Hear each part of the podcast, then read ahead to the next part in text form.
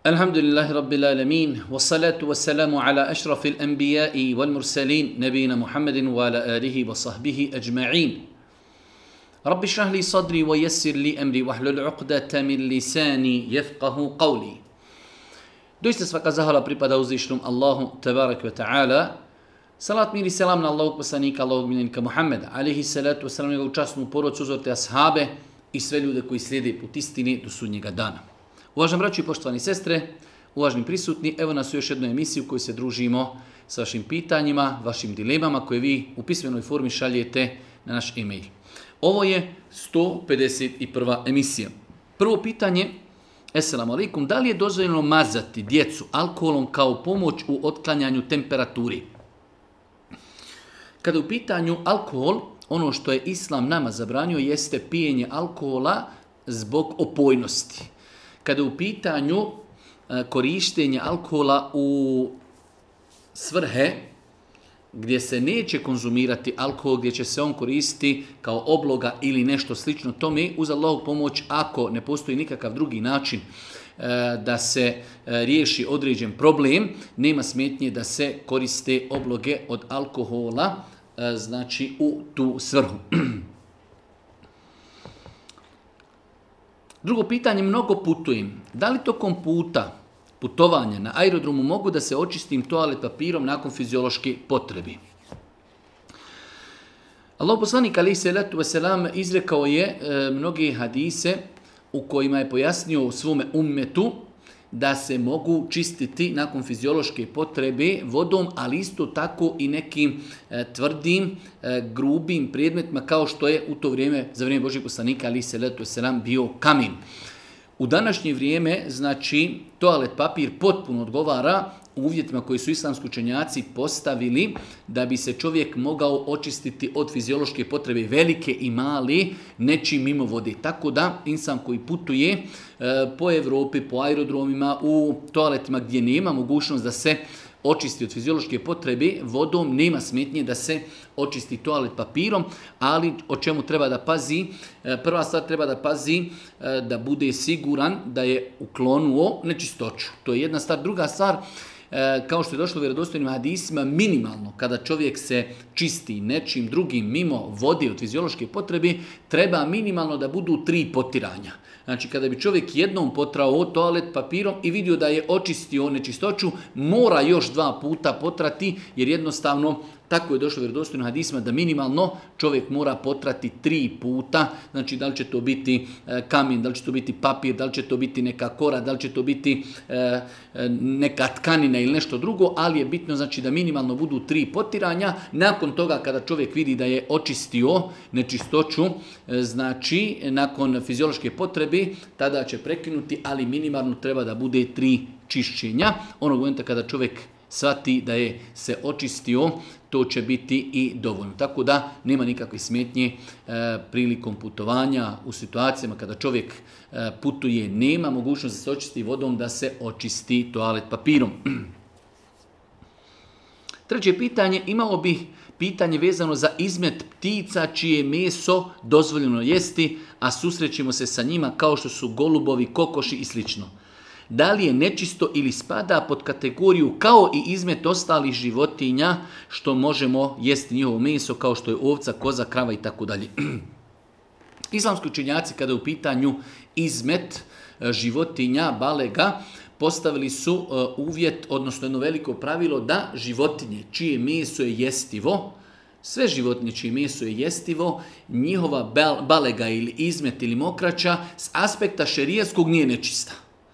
Šta znači s aspekta šerijetskog? To znači ako bi na našoj odjeći bilo balege od kravi ili od ovce ili od koze ili od devi ili od nekih vrsta ptica koje su jestive kao što ovdje je spomenuto kokuš ili nešto slično tome, uh, nije nam obaveza da to sklonimo i očistimo da bi klanjali namaz. Svakako iz higijenskih razloga, pogotovo ako ćemo ići u džamiju, pogotovo ako idemo u grad i tako dalje, treba da to očistimo. Ali govorimo samo s aspekta šerijatskog, da li ako to imamo na odjeći, na čizmama, na hlačama, na majici, na košulji, u nekoj smo radnoj odjeći, moramo li očistiti tu balegu? Ne moramo. Znači veliko je šerijatsko pravilo životinje čije meso je jestivo krava, ovca, koza, deva i tako dalje.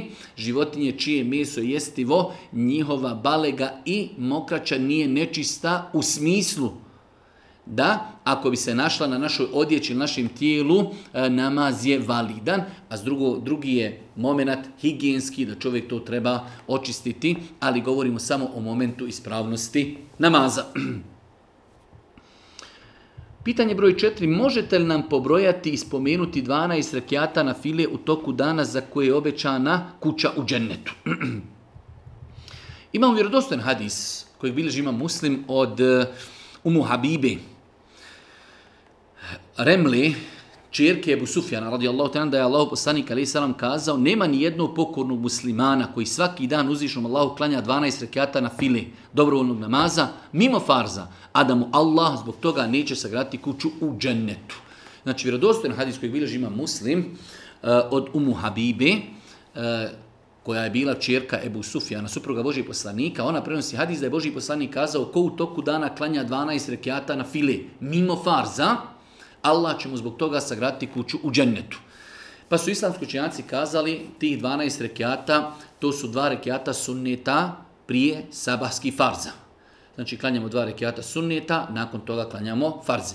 Kada u pitanju podni namaz, to su četiri rekiata prije podni, mogu se klanjati dva po dva, a mogu se klanjati i četiri. Znači četiri rekiata prije podni i dva rekiata poslije podni. Poslije farza podnevni. Kada je u pitanju ikindija, za ikindiju namaz ne postoje potvrđeni sunneti ovih 12 rekiata. Može se prije ikindije klanjati 2 ili 4, ali ne potpada i pod ovih 12 rekiata. E, kada je u pitanju e, akšam namaz, dva rekiata poslije akšama i imamo dva rekiata poslije jaci. Znači, e, tu je 12 rekiata u toku dana ko bude kontinuirano, inšala, klanjao ovih 12 rekiata, shodno ovom na hadisu kojeg bilježi ima muslim od Umu Habibe, uzvišeni Allah će ga nagrati jer će mu sagrati kuću u džennetu. Dva rekiata prije sabaha, sabahski farza, četiri rekiata prije podnevni farza i dva rekiata poslije podnevni farza, dva rekiata poslije akšamski farza i dva rekiata poslije jacijski farza, sve skupa je 12 rekiata. Esalamu alaikum, uvaženi pjeziću, svake godine me babo tjera da mu pomažem brati šljive za rakiju. Znam da je to veliki grijeh i ne želim to da radim, ali mislim da je veći grijeh da ne poslušam rotelje. Treba mi vaš, vaše mišljenje šta je od ove dvije opcije manji grijeh. E, ovo je neispravno e, postavljanje, da kažemo, konstatacija i e, neispravno redanje stvari u, u, u životu. Eh, nepokornost roditeljima se gleda u dozvoljenim stvarima. Ovdje se kaže, znam da je to veliki grije i ne želim to da radim, ali mislim da je veći grije da, da budem neposlušan roditeljima. Nije tačno. Znači, brati šljive znajući da, da će one ići za rakiju i za alkohol, to je grijeh. To je definitivno grijeh. Odbiti pokornost roditelj u tome nije nepokornost. Nije nepokornost. Jer Boži poslanik kaže u rodostavnom hadisu nema pokornosti stvorenjima, bilo komi, ocu, majci i tako dalje, u nepokornosti Allahu. Nema nikome pokornosti ako je to nepokornost Allahu. Tako da, šta nam ovdje preostaje? Ovdje nam preostaje dijalog, razgovor, savjet, kritika u granicama naše mogućnosti. Kažemo, babo, Allah te nagradio, evo cijeli dan ću kopa, cijeli dan ću štija, cijeli dan ću ići raditi na dnevnicu i tako dalje, ali ne mogu to raditi, to je zabranjeno islamu i ti kao moj otac savjetujem te, ne bi to trebao raditi, daj da šljive damo negdje za džem, daj da mi ih i osušimo, daj da ih prodamo i tako dalje. Znači, dijete treba na blag i lijep način savjetovati oca i kazati mu da je razlog samo vjera samo zato što je to zabrajeno islamu, a spreman sam raditi šta god treba nešto drugo što je dopušteno. Tako da e, ovdje nije nepokornost roditeljima zato što je to grijeh. Čovjek ne treba biti pokuran u grijehu nikomi. Esselamu alaikum. Ako može da pojasnite šta smatrate pod učenjem Kur'ana? je li čitanje Kur'ana ili recitiranje Kur'ana iz memorije na pamet. Čovjek pita, dosta puta slušamo hadise gdje se kaže ko prouči jedan harf iz Allahove knjiga ima tako i tako nagradu. E, da li se to misli ko prouči čitajući ili ko prouči učeći Kur'an na pamet? Pojenta je u izgovoru Kur'ana. Nije u načinu čitanja.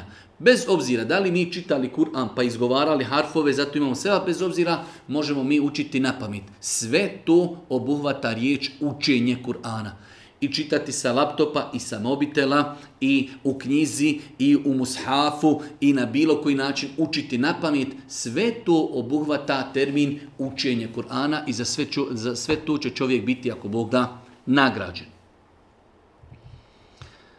Sedno pitanje Često čujemo da ovakve stvari, da ovo kvari abdest ili ono ne kvari abdest. Možete li nam pojasniti šta sve kvari abdest? E, doista u našem narodu postoji mnoge, mnoge stvari za koje ljudi smatraju da kvari abdest, a one u osnovi nemaju nikakve veze sa abdestom. Koliko puta su žene postavile pitanje da li što e, nahranim, zadojim dijete, gubim abdest, da li žena koja izađe bez mahrami na ulicu, da li gubi abdest, da li čovjek ako nešto vulgarno kaže, opsuje B i E, da li kvari abdest, da li pogledu ženu kvari abdest i mnoge druge stvari e, koji su prisutne u našem narodu kad ljudi kažu ne možeš sačuvati čuvati abdest do džamije i tako dalje. E, islamski učenjaci uglavnom spomenuli su sljedeći stvari da kvari abdest, e, sve što izlazi na dva prirodna otvora i kod muškarca i kod žene. Kada je u pitanju znači spolni organ, misli se na mokraću, misli se na spermu, misli se na medilj, kad su u pitanju žene misli se na krv, na bijelo pranje, znači sve što izlazi na spolni organ kvari abdest i sve što izlazi na analni otvor, da li se radilo o izmetu ili puštanju vjetra, sve te stvari kvari abdest. Lako za zapamtiti sve što izlazi na dva prirodna otvora, znači ili analni otvor ili sporni organ, da li se radilo o mokraći, o spermi, o mediju pred ejakulacijskom tečnešću, da li se radilo o izmetu, da li se radilo o bijelom pranju kod žena, da li se radilo o krvu, krvi kod žena, sve te stvari kvare abdest kada je u pitanju e, analni otvor, izlazak, znači neđaseta, izlazak izmeta i puštanje vjetrova, sve te stvari kvari abdest. To je broj 1. Broj 2, duboko spavanje i potpuno gubljenje svijesti kada čovjek duboko zaspi, da jednostavno više nema osjećaja e, da li je spavao minut, dva, pet ili deset ili dva sata, tog momenta znači on mora obnoviti javnost ili gubijenje svijesti. Kada bi čovjek pao u nesvijest, na taj način je izgubio abdest. Treća stvar, direktno doticanje spolnog organa. Znači, kada čovjek direktno dotakni spolni organ rukom, da nema znači odjeće, da nema peškira, da nema hlača i tako dalje, direktan dodir e, spolnog organa, iako ovdje postoji jako razilaženje, ja sam stava da direktno doticanje spolnog organa kvari abdest. I četvrta stvar, jedenje devinog mesa, u vjerovostojnom hadisima Boži poslanik kazao da jedenje devinog mesa kvari abdest. Ovo su četiri stvari e, za koje postoje jasni dokaz da kvari abdest. E, dodir ženi, da čovjek poljubi svoju suprugu, da je dotakne, to ne kvari abdest, poljubac ženi ne kvari abdest, e, isticanje krvi na ranu ne kvari abdest, isticanje krvi na nos ne kvari abdest, povraćanje ne kvari abdest. Znači, ove četiri stvari je bitno da zapamtimo. E, sve što izađe na dva prirodna otvora kvari abdest, duboko spavanje, gubljenje svijesti kvari abdest, doticanje spolnog organa direktno, bez znači zastora, kvari abdest i jedinje devinog mjesa, četiri stvari, e, a ostala uvjerenja kod nas, znači, e, ne daj Bože, pogled u ženu ili nešto kazati vulgarno, ili dojiti dijete, ili, ili neke stvari, sve to ne kvari abdest. Esselamu alaikum, imam jedno pitanje, puno razmišljamo smrti. Ima nekih četiri mjeseca kako razmišljam, pogotovo na namazu. Pa ne zanima šta vi mislite o tome, puno bi mi značilo ako odgovorite. U svakom slučaju, e, sjećanje na smrt je pozitivna pojava ako je u granicama normali. Nekada se desi da ljudi jednostavno e, pretjeraju u razmišljanju smrti do te mjere da ih to blokira u životu.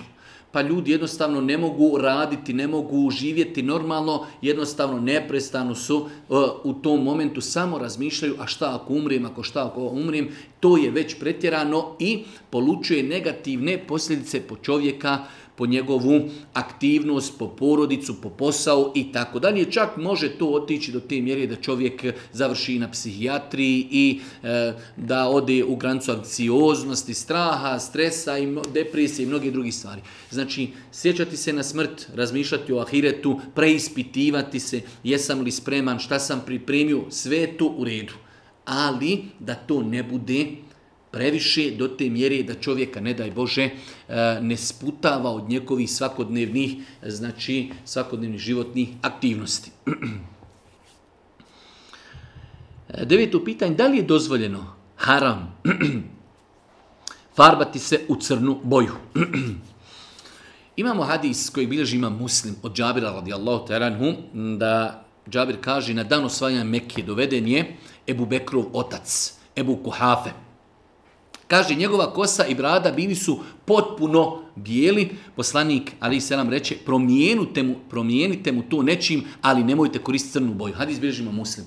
Znači, na dan kada je osvojena Meka, Ebu Bekrov, otac je došao kod Božijeg poslanika, a kosa i brada mu je bila totalno bijela, pa Božiji poslanik kaže, promijenite to, ofarbajte nečim, ali samo nemojte crnu boju koristiti. Ovaj hadis zabilježi ima muslim i vjerodostojan dokaz koji kazuje da i muškarci i žene prilikom farbanja kose ili brade, mogu to raditi, to je dozvoljno, vidimo čak da je ovdje to Boži poslanik i naredio, preporučio, ali samo pod jednim uvjetom da se izbjegava crna boja. Tako da, tačno je da je to Boži poslanik zabranio u ovom slučaju za Ebu Bekrovog oca, ali je to opći propis koji obuhvata i muškarce i žene.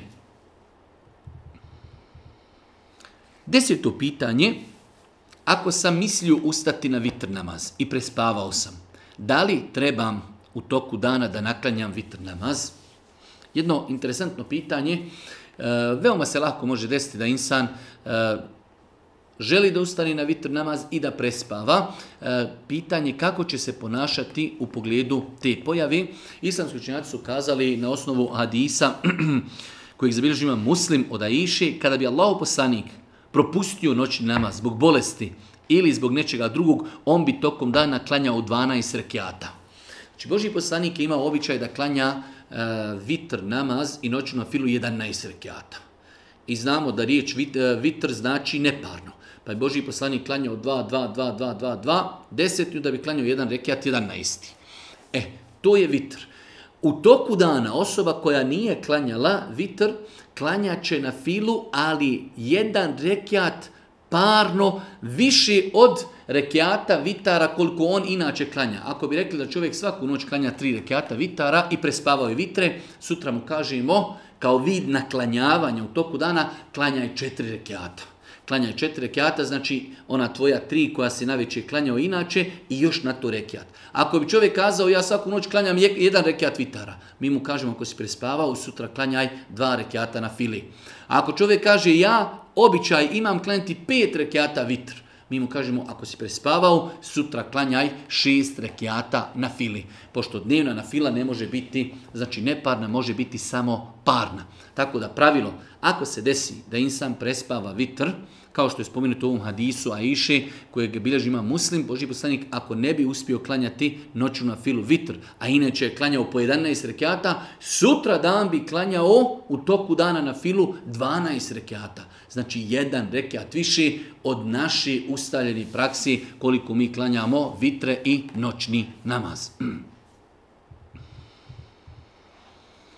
11. pitanje, klanjao sam sabah namaz u njegovom namaskom vremenu, ali kada sam poslije e, klanjanja sabaha otišao do kupatila da obavim nužu, primijetio sam fleke na odjeći i shvatio da sam džunup. Da li se moramo kupati, ponovno klanjati ili ne? Znači, može se veoma lako desiti da insan ustane i ne obraća pažnju e, na donji veš, e, uzme abdest, ode klient kada se vrati i shvati da je u toku noći imao poluciju i da je jednostavno u džunup stanju klanjao. Prvo, on nije griješan zato što je to radio iz neznanja, ali druga stvar, pitanje šta će sada uraditi, obaveza mu je da se okupa i da taj namaz ponoklanja po konsenzusu učenjaka. On nije griješan jer je to uradio iz neznanja. Sve što čovjek uradi iz neznanja nije griješan. Ali kada je saznao da je klanjao namaz bez abdesta, Allah poslani kada se ratu sram kaže La yekbelu Allahu salate illa bi vodu. Boži poslani kaže Allah ne prima namaz osobe koja je izgubila abdest osim kada uzmi abdest. Tako da, Pravilo je ako je čovjek klanjao bez abdesta ili je klanjao u džunup stanju, a nije znao, obaveza mu je da se okupa i da ponovi taj namaz, nije griješan jer je klanjao u neznanju, ali mu je obaveza po konsenzusu učenjaka da ponovi namaz prije toga da se okupa. 12. pitanje, pošto sad klanjam sa suprugom, a ona nije baš sve naučila i nije još samostana, da li moram naglas učiti dok klanjam namaz? Znači čovjek i žena klanjaju zajedno, žena još nije dobro naučila klanjati, pa klanjaju u džematu. Da li čovjek mora sve namaze klanjati naglas ili ne? U svakom slučaju, e, sabah, akšam i jacija, to su tri namaza koja je lijepo i pohvalno čovjek uči naglas, a podne i kindiju da uči u sebi. Pohvalno. Ako čovjek možda ima tremu ili nezgodnom prđenom da klanja na glas, nema smetnje da klanja i sabah, i podne, i kindiju, i akšam, i jaciju, sve u sebi. Ali je lijepo, lijepo da čovjek sabah uči na glas, akšam i jaciju. Ali ako ne može, ako se stidi, ako mu je nezgodno, ispravan je namaz, znači da čovjek klanja i u sebi. 13. pitanje, selamu alaikum, da li je pogrešno kada zikrim? Na primjer, 33 puta subhanallah, 33 puta elhamda, 34 puta Allahu ekber. Pa se nesvjesno ili nenamjerno prebrojim.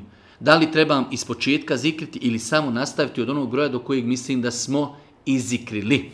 Znači, svako mi se od nas može desiti da kada zikri, pogotovo na prste, da jednostavno smetni koliko je zikrio. Kažu islamski učenjaci u takvoj situaciji da čovjek ne mora početi iz početka, nastavit će od broja za kojeg je siguran da je toliko zikrio. Pa ako bi rekli čovjek kaže, ne znam, brojim po pet i sad možda sam 30, možda sam 25. Uzet ćemo manji broj i nastavit ćemo zikri 26, 27, 28, 29, 30, 37, 32, 33. Znači ako dođemo u sumnju koliko smo zikrili pa imamo veći broj i manji broj, uzimamo manji broj i nastavljamo zikriti do onog broja koji nam je potreban. Tako da znači nema potrebe počinjati iz početka, već uzimamo onaj manji broj za kojeg smo sigurni da smo toliko zikrili. Rekli smo, ako bi čovjek kazao, zikrio sam, ali ne znam jesam li 20 ili 30 puta rekao subhanallah. Kažemo, uzmi da si uzeo 20, rekao 20 i nastavi zikriti do 33 puta.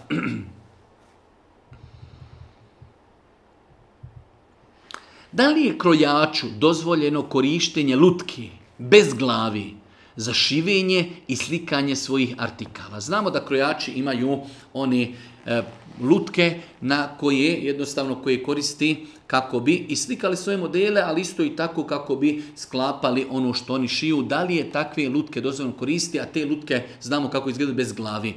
E, generalno je pravilo i slika ili kip ili lutka, sve što čemu nedostaje jedan vitalni organ zbog čega se ne može živjeti, takva stvar u islamu nije zabranjena. Tako da kada imamo lutku, kada vi zamislite da je ta lutka uh, živa i nema glavi, može li čovjek živjeti bez glavi? Apsolutno ne samim tim dozvoljeno koristiti, koristiti takve lutke. Dozvoljeno koristiti takve lutke, znači imamo fetvu na jednom velikom islamskom web sajtu Islam Web, e, gdje im je postavljeno identično pitanje, gdje su pitani mogu li krojači koristiti lutke na kojima će slikati svoje uh, E, znači radove i ono što su sašili ili jednostavno da im to pomaže prilikom e, šivenja lutke koje nemaju glavu pa su dozvolili zato što jednostavno nedostaje organ, a u ovom slučaju to je glava, bez kojeg tijelo ne može fercerati i funkcionisati.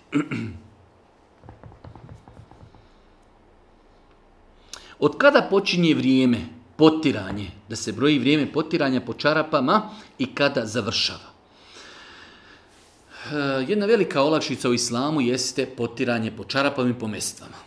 Rekli smo dosta puta da je glavni uvjet da bi mogli potirati mi po čarapama i po mestvama, kada smo na poslu, kada smo na putu i tako dalje, da smo te čarape i mestve obukli dok smo još bili pod prvim abdestom. Abdestili smo i obučemo čarape. U redu od kada možemo mi početi brojati e, da potirjemo, jer Boži poslanik je u vjerodostojnog nadisma kazao čovjek koji je kući, tu je, nije na putu, može potirati dan i noć, a na putu može potirati tri dana i tri noći, pod uvjetom da nije skidao, znači, mjesta i čarape.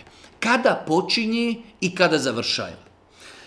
Počinje od prvog momenta potiranja. Šta to znači? Može se desiti da mi smo E, na sabah ustali i oprali noge i abdestili. I obukli smo čarape. Kada smo htjeli na podni namaz, mi smo abdestili i potrali smo po čarapama u 12 sati. E, od 12 sati, ne od sabaha kada smo obukli čarape, ne. Od 12 sati, od onog momenta kada smo prvi put potrali, od tada nam traje mogućnost potiranja dan i noć, sutra do 12 sati. Znači osoba koja želi da potiri kod kući, ako nije musafir, nije putnik, može potirati dan i noć. Pod uvjetom da obuče čarape ili mestve na abdesne noge, dok još ne izgubio abdest, počinje brojati dan i noć od momenta kada je prvi put potrao. Znači, rekli smo, može čovjek obući čarape i zajtra u šest i u 12 sati želi da abdesti za podne i potrao je, od tada brojimo dan i noć, to je sutra do 12 sati. To je kada počinje, kada završava, onda kada se napuni, rekli smo dan i noć. Ako bi rekli smo danas potirali do 12, od 12 smo počeli, sutra do 12 možemo potirati, već u pola jedan nemamo više priliku i mogućnost da potiremo. Odnosi se na čovjeka koji je kod kuće, ako je čovjek na putu, može potirati tri dana i tri noći.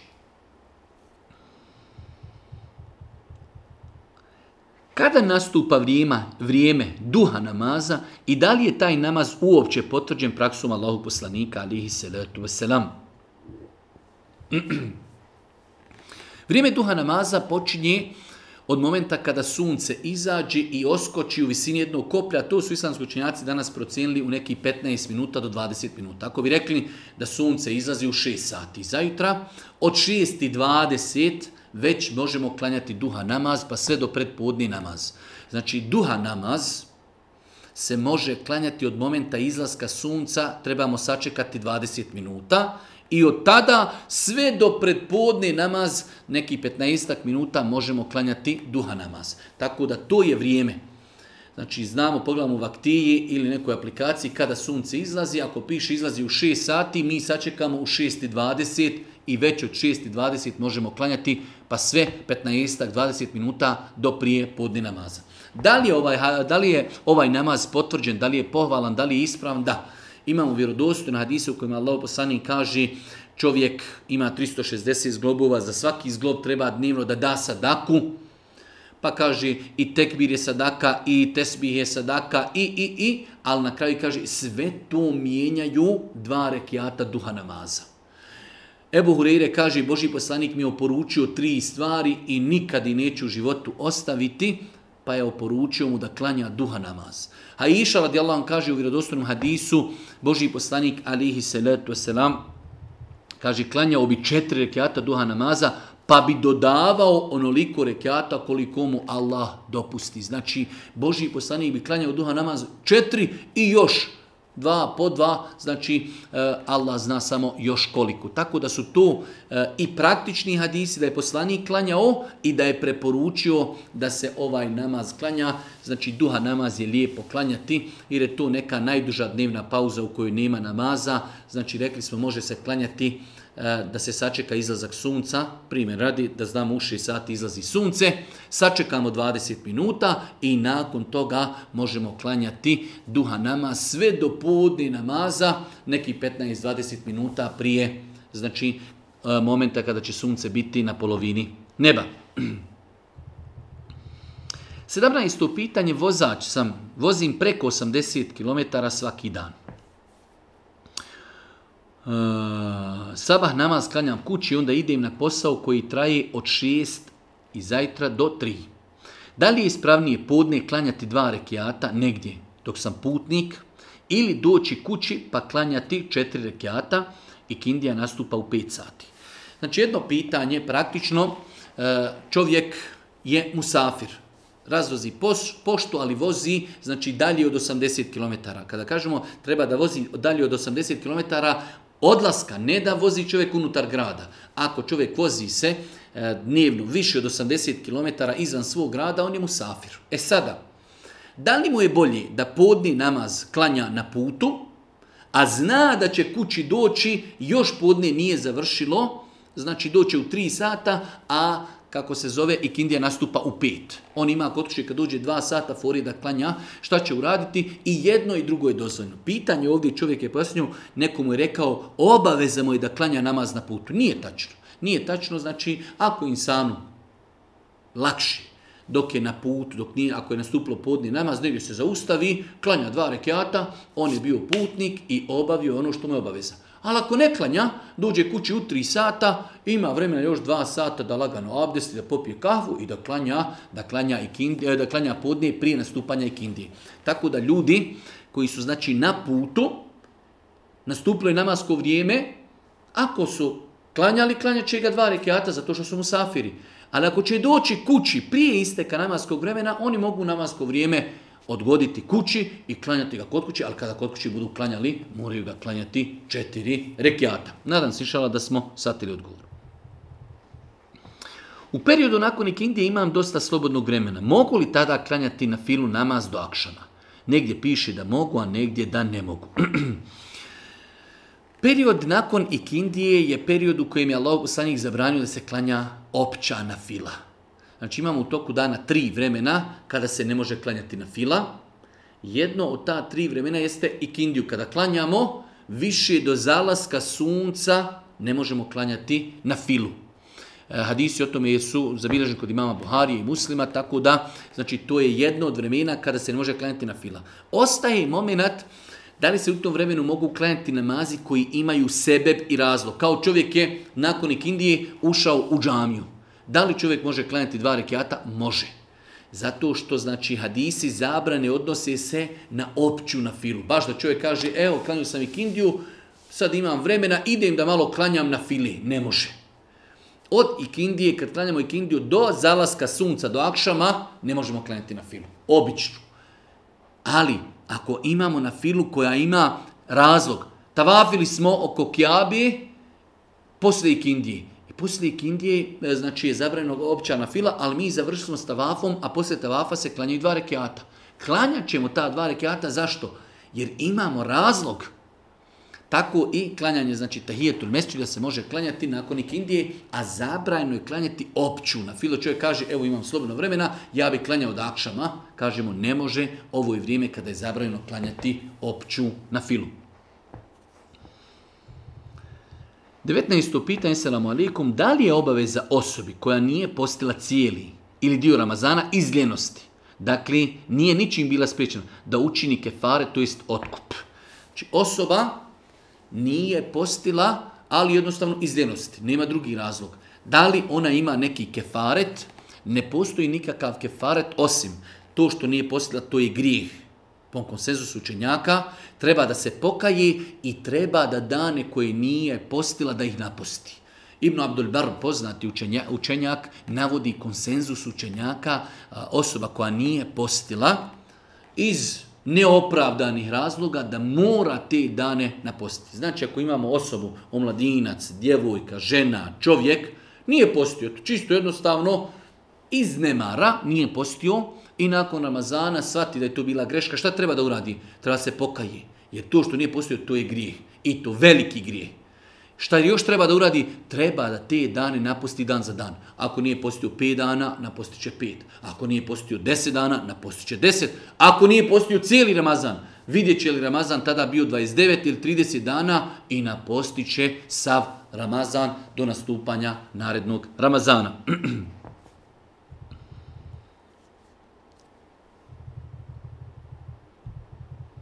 Jedno duže pitanje jednog našeg e, insana, prijatelja, imao je poznanika koji išao kod nekog e, liječnika, e, koji liječi kao od sihra, pa mu je spomenuo neke stvari i onda je pitanje da li treba nastaviti da ide na liječenje kod takvog insana. Evo šta kaže u pitanju. Jedan moj poznanik je otišao iz neznanja kod pogrešne osobe da mu uči rukju. I naravno imao je neke svoje metode, taj učač. Uh, koji u islamu nisu dozvoljeni da se radi i nemaju nikakvo utemeljenje. Pitao ga je za datum rođenja, ime majke, pa čak mu je govorio da brije bradu. Pa čak mu je govorio, kaže, da uplati misu u crkvi da mu ukućani radi sve s lijeve strane na desnu. Kad miješaju kahvu, da miješaju slijeva na desno. Da kada hodaju oko stola, da idu slijeva na desno i tako dalje. E kaže, pitanje kako da se on izvuče iz toga i kako da završi sa tim šejkom, jer kaže, on treba ima još jedan termin da ode kod njega, boji se da mu neće neku štetu nanijeti, a ako ne ode kod njega. Znači, ovo je definitivno pokazatelj uh, uplatiti misu hodanje uljevo, e, brijanje brade i mnoge neke druge stvari, to je pokazatelj da je to prevarant, da je to kriminalac i da je strogo zabrajno otičko. Kako se izvuči? O, izvuči se na jaj jednostavniji način da čovjek jednostavno više nikad u životu ne stupi sa takvim isanom u kontakt i mirna bosta.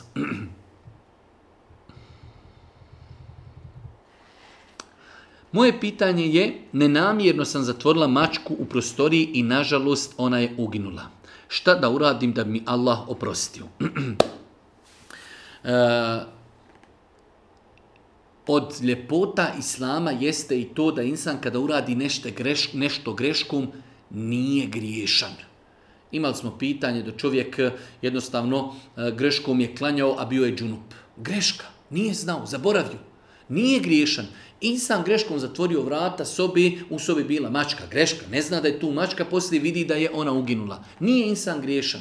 Svakako ovo nikako ne znači poigravanje sa životinjama i životom mačaka, jer je došlo u vjerodostom hadisu i drugi životinja da je žena znači kažnjena džehennemom zato što je svjesno zatvorila mačku i nije hranila. Ali ovdje je pitanje nesvjesno. Desi se čovjek vozi auto, izleti mačka ili pas i udari ga. Čovjek osjeti u grudima tjeskobu, ali nije griješan.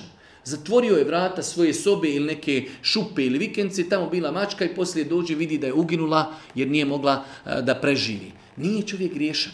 Zato što je to uradio iz neznanja. E, kada bi čovjek to uradio, zna, iz znanja, svjesno, Tada mu se prijeti znači, velikim kaznama. Tako da insan e, definitivno će osjetiti u grudi matjeskobu, ali ne treba da, da, da, da kažemo e, tuguje, da gubi nadu, jednostavno to je u radiju iz neznanja. Nema potrebe čak da se pokaje.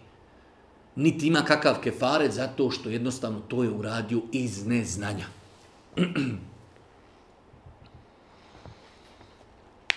Desilo mi se da sam vidio čovjeka kako je okasnio dva rekiata na putni namaz. Predao je selam sa imamom i nije ništa naklanio. Je li takav namaz ispravan?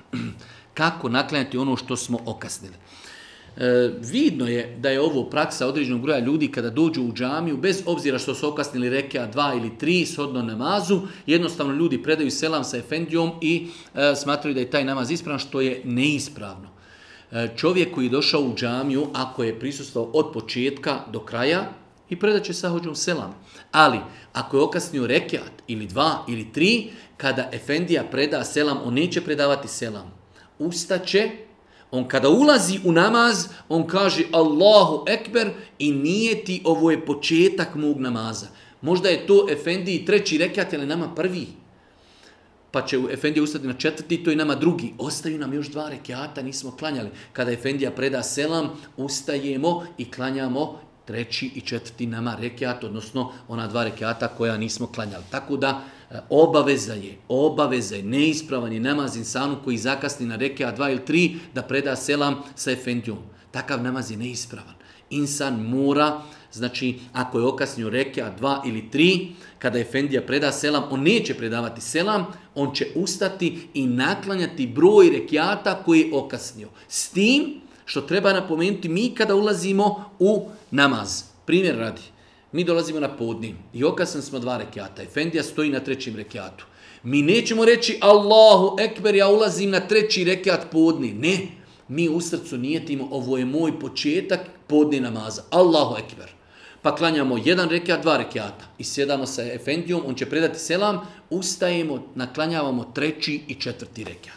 Pod obavezu ne predajemo selam. Znači, ne treba se poigravati, svako mi se može desiti u vrdoslovnom hadisu, Boži poslanik Ali Selam je kazao, kada okasnite na dio namaza, ono što ste stigli sa imamom, klanjajte što niste, upotpunite i naklanjajte. Tako da insan, znači, ako okas ne treba da se stidi, to je normalna pojava, znači, neće predavati selam sa efendijom, ustaće i naklanjaće broj rekiata koje je, koje je izostavio.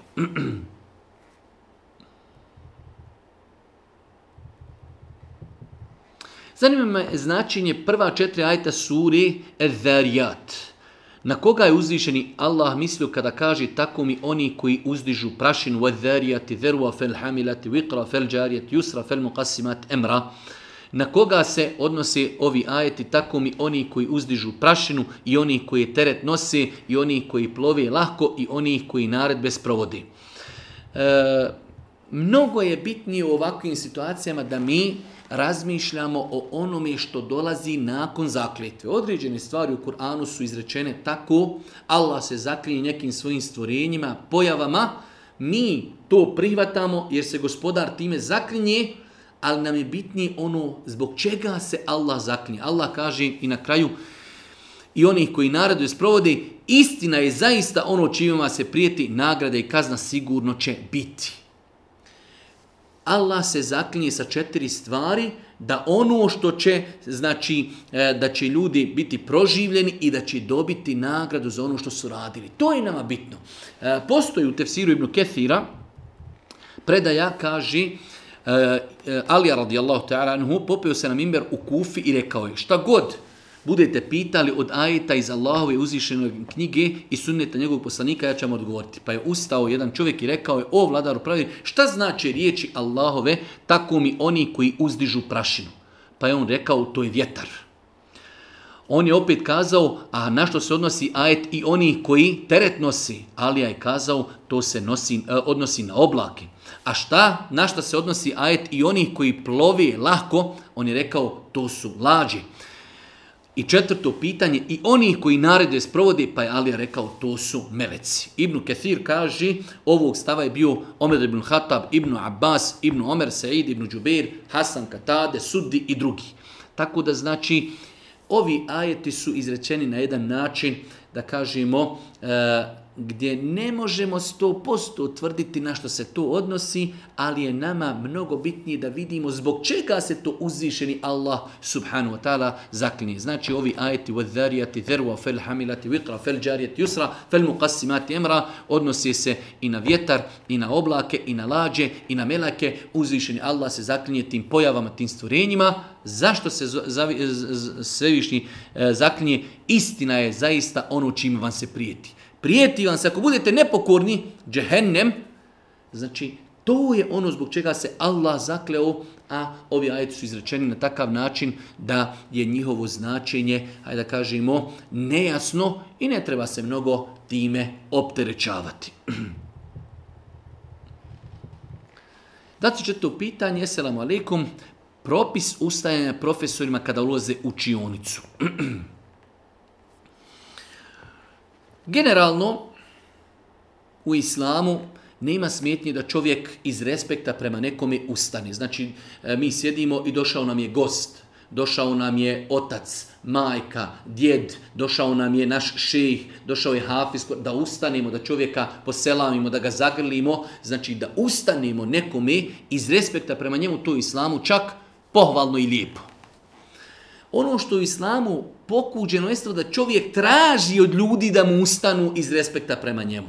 Ali da ljudi sami ustaju iz respekta prema nekomi, to je u islamu dozvoljeno. E sada, e, ustajanje u školama u datom momentu može se posmatrati kao respekt prema učitelju. Nažalost, živimo u vremenu kada djeca svakim danom se više i više gubi respekt prema učiteljima, tako da i, i svojim nastavnicama ne vidim u tome inšala ništa loše, uh, da djeca ustaju e, iz respekta prema svojim učiteljima, prema svojim pogotovo medresama, znači ulazi hafiz, ulazi profesor, ulazi doktor, znači nema smetnje da djeca ustanu iz respekta prema svome učitelju. Inšala vizna, nema smetnje. Vozat sam kamiona, vozim na duge relacije, mogu li u toku vožnje klanjati na filu namaz sjedeći u kamionu? Jedna od razlika između farza i suneta jeste i to da se farzi moraju klanjati stojeći, okrenuti prema kibli. To je osnova propisa. Za razgod na file, ako putujemo, to je prvi uvjet, putujemo, teče putovanje, na filu možemo klanjati sjedeći i ne moramo se okretati prema kibli. Ali samo je uvjet da smo u toku putovanja. Mi ako putujemo, putujemo i zaustavili smo se, sjedimo jednostavno na nekoj benzinskoj stanci u hotelu, tada se i u nafili moramo okrenuti prema kibli. Ali ako se vozimo u autobusu, u kamionu, u avionu, možemo na filu nama sklanjati bez da se okrenemo prema kibli i bez da stojimo, možemo sjedeći. Boži poslanik, ali sadam, kao što bileži imam i Buhari je muslim, na putu bi klanjao na filu, na svojim jahalcama, onako kako bi jahalca bila okrenuta. Nekada ide istoku, nekad prema zapadu, nekad prema kibli, nekad kontra od kibli. Boži poslanik se nije osvrtao na to, znači uvjete da je u putovanju. Tako da čovjek kada vozi kamion, bez obzira u kojem pravcu kamion išao, ili prema istok, prema zapadu, ako je u toku vožnje čovjek može znači voziti kamion i klanjati na filu sjedeći. Svakako pod uvjetom da ga to neće ometati od njegove vožnje ispunjavanja emaneta, da neće ljude uvozi, ugrožavati prilikom znači e, vožnji. 26. pitanje, da li skidanje mjesta ili čara pa kvari abdest ako smo već potirali po njima? Jedno pitanju u pogledu kojeg islamski učinjaci imaju različite stavove, ali ja lično sam stava da insan koji je abdestio i obukao čarape. Nakon toga prilikom abdesta jednom ili dva put potirao, kada skine mestve, da li on ima abdest, da li ima abdest, da li izgubio abdest, nije izgubio abdest. Nije uradio ništa što kvari abdest. Kao što bi čovjek abdestio i nakon abdesta ošišao kosu, obrijao kosu, nakon abdesta odrezao nokte. Da li to kvari abdest? Ne. Ne. Tako iskidanje čarapa ili mestvi ne kvari abdest. Šta kvari? Kvari mogućnost potiranja. Mi kada skinimo mestve ili čarape, ne možemo više potirati. Ali nismo izgubili abdest. Znači, zamislite da je čovjek u 12 sati abdestio i potruje po mestvama. Ima abdest. U jedan sat je došao kući i skine čarape. Mi kažemo, ima i dalje abdest, može klanjati ali ne može više potirati zato što je skinuo, skinuo znači svoje mestve. Tako da, kao što čovjek prilikom abdesta potire po kosi i završio je abdest, nakon toga ode kod e, berbera i on mu obrije kosu. Da li zbog toga gubi abdest? Apsolutno ne. To što on potirao po toj kosi, to je bilo za vrijeme kada je, znači, on uzimao abdest. Tako i mi uzimamo po mestvama abdest i potirimo. Nakon toga mi ako skinemo mesve, ne gubimo abdest. Nismo uradili ništa što kvari abdest, ali nijemo više mogućnost potiranja.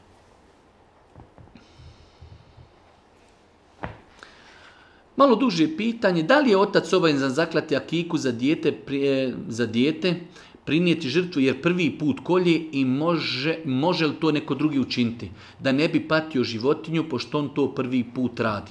Znači, pitanje je da li čovjek kada kolje akiku za svoje dijete, bukvalno on mora zaklati, a čovjek ne zna, nije nikada to radio, ili može da bude pored njega neko ko će zaklati akiku, e, znači e, mjesto njega. Može, Znači, insan koji nije stručan, ne zna, možda se nekad neko i boji, možda jednostavno neko nije naučio te stvari, nema smetnje da neko drugi zakolje akiku, znači mi tu budemo, gledamo kako se to radi, ali jednostavno iz neki nama znači razloga mi nećemo to uraditi, već je to neko za nas drugi urati, ako Bog da, nema nikakve smetnje u tome. Veselamu alaikum, uvažen šeš, šta rati ako se pojavi sumnja da li sam klanjao sabah namaz ili ne? Insan koji sumnja da li je klanjao namaz ili ne, osnova je da nije klanjao. Dok sumnja, onda znači osnova je da čovjek treba da eh, da taj namaz ponovo klanja. Ako imamo znači sumnju, čovjek ne zna je li klanjao ili nije, moramo klanjati namaz. Imamo dva pravila e, koja se mogu najlakše pojasniti na abdestu. Ako čovjek kaže uzeo sam abdest sigurno u jedan sat popodni, ali u dva sata sumnjam, da li sam ja izgubio abdest, nisam siguran, jesam li ili nisam. Mi kažemo, osnova je imaš abdest, jer ti si sigurno da si ga uzeo. Ali da čovjek dođe u jedan sat kaže, ne znam da li sam ja uopće abdestio, da ili ne. Mi kažemo, nisi, moraš abdestiti. Znači ovo je jedno veliko pravilo, ako znamo da smo nešto uradili, da smo klanjali, da smo abdestili, i nakon toga, da li sam izgubio abdest ili nisam? Nisi, sve dok ne budeš siguran da jesi. Ali ako čovjek kaže, ja ne znam da li sam klanjao, nemam nikakav dokaz, kažemo, nisi klanjao, trebaš ponovo klanjati.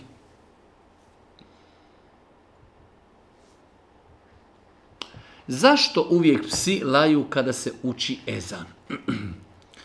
Primjetna je pojava u dosta slučajeva da psi kada čuju učenje ezana da zavijaju i laju. E, zašto to radi? Ne postoji jasan šerijetski dokaz zašto to radi. Tako da, e, generalno je pravilo, mi, to je za nas gajb. To su životinje, zašto to ne radi, ne znam. Imaju vjerodostojne hadise da Allah poslani kazao šetan, kada čuje učenje ezana, on bježi. Čak do te mjere bježi da pušta vjetrove. Znači, bježi. E sada kažu neki islamski učenjaci, moguće je, pošto je došlo u hadisma da Allah poslani kaže, kada čujete zavijanje pasa, utječite se Allahu od šetana, jer psi vide ono što vi ne vidite. Znači, to je nevezan hadis, Zašto zavijaju psi? Ali kaže Boži poslanik, kada zavijaju psi, vi se utječite Allahom. Kada čujemo da zavija pas, recite uzbila im šetan dođim. Utječim se Allahu šetana. Zašto kaže? Jer psi vide ono što vi ne vidite.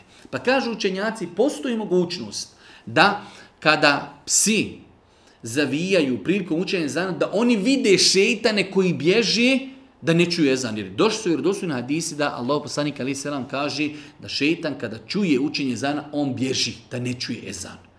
Pa kažu islamski učenjaci, postoji mogućnost da psi kada zavijaju i laju, da je to iz razloga što oni vide ono što mi ne vide. Vide šeitane kako bježe od ezana. Ali ne možemo to odgovorno tvrditi, ne postoji jasan dokaz. Jasan dokaz postoji, je poslanik rekao, kada čujete zavijanje pasa, utječite se Allahu od šetana, jer še, jer kaže psi, vide ono što vi ne vidite. To je vjerodostan hadis. Da li zavijaju što su vidjeli šetane ili ne, mi to ne možemo kategorički tvrditi, znači prilikom učenja ezana. Prilikom učenja ezana, da li oni zavije zato što tada vidi šetane ili ne, ne možemo to kategorički tvrditi.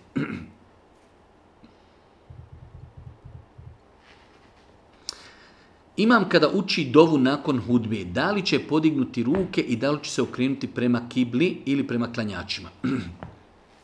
Dva pitanja, jednom pitanju. E, praksa Božijeg poslanika, ali se ratu salam, nije bila da je e, nakon hudbe, kada bi učio dovu, da bi dizao ruke. Znači, čak su neki ashabi, kada su vidjeli određene e, emire, kada su vidjeli određene namjesnike, da dižu ruke prilikom dovi, nakon džume, oni su to e, znači reagirali i upozoravali na to. Nije to bio sunet Božijeg poslanika da se nakon završene hudbe podižu ruke od strane imama prilikom učinja dovi. Uh, Kao što nije bila praksa Božijeg poslanika da kada bi učio dovu nakon hudbe da bi se okrenuo prema kibli, već znači učio bi dovu a, okrenut prema klanjačima, odnosno drugim riječima kazano, ne postoji dokaz iz kojeg možemo sati da se poslanik okretao, okretao prema kibli kada je učio dovu nakon džume namaza.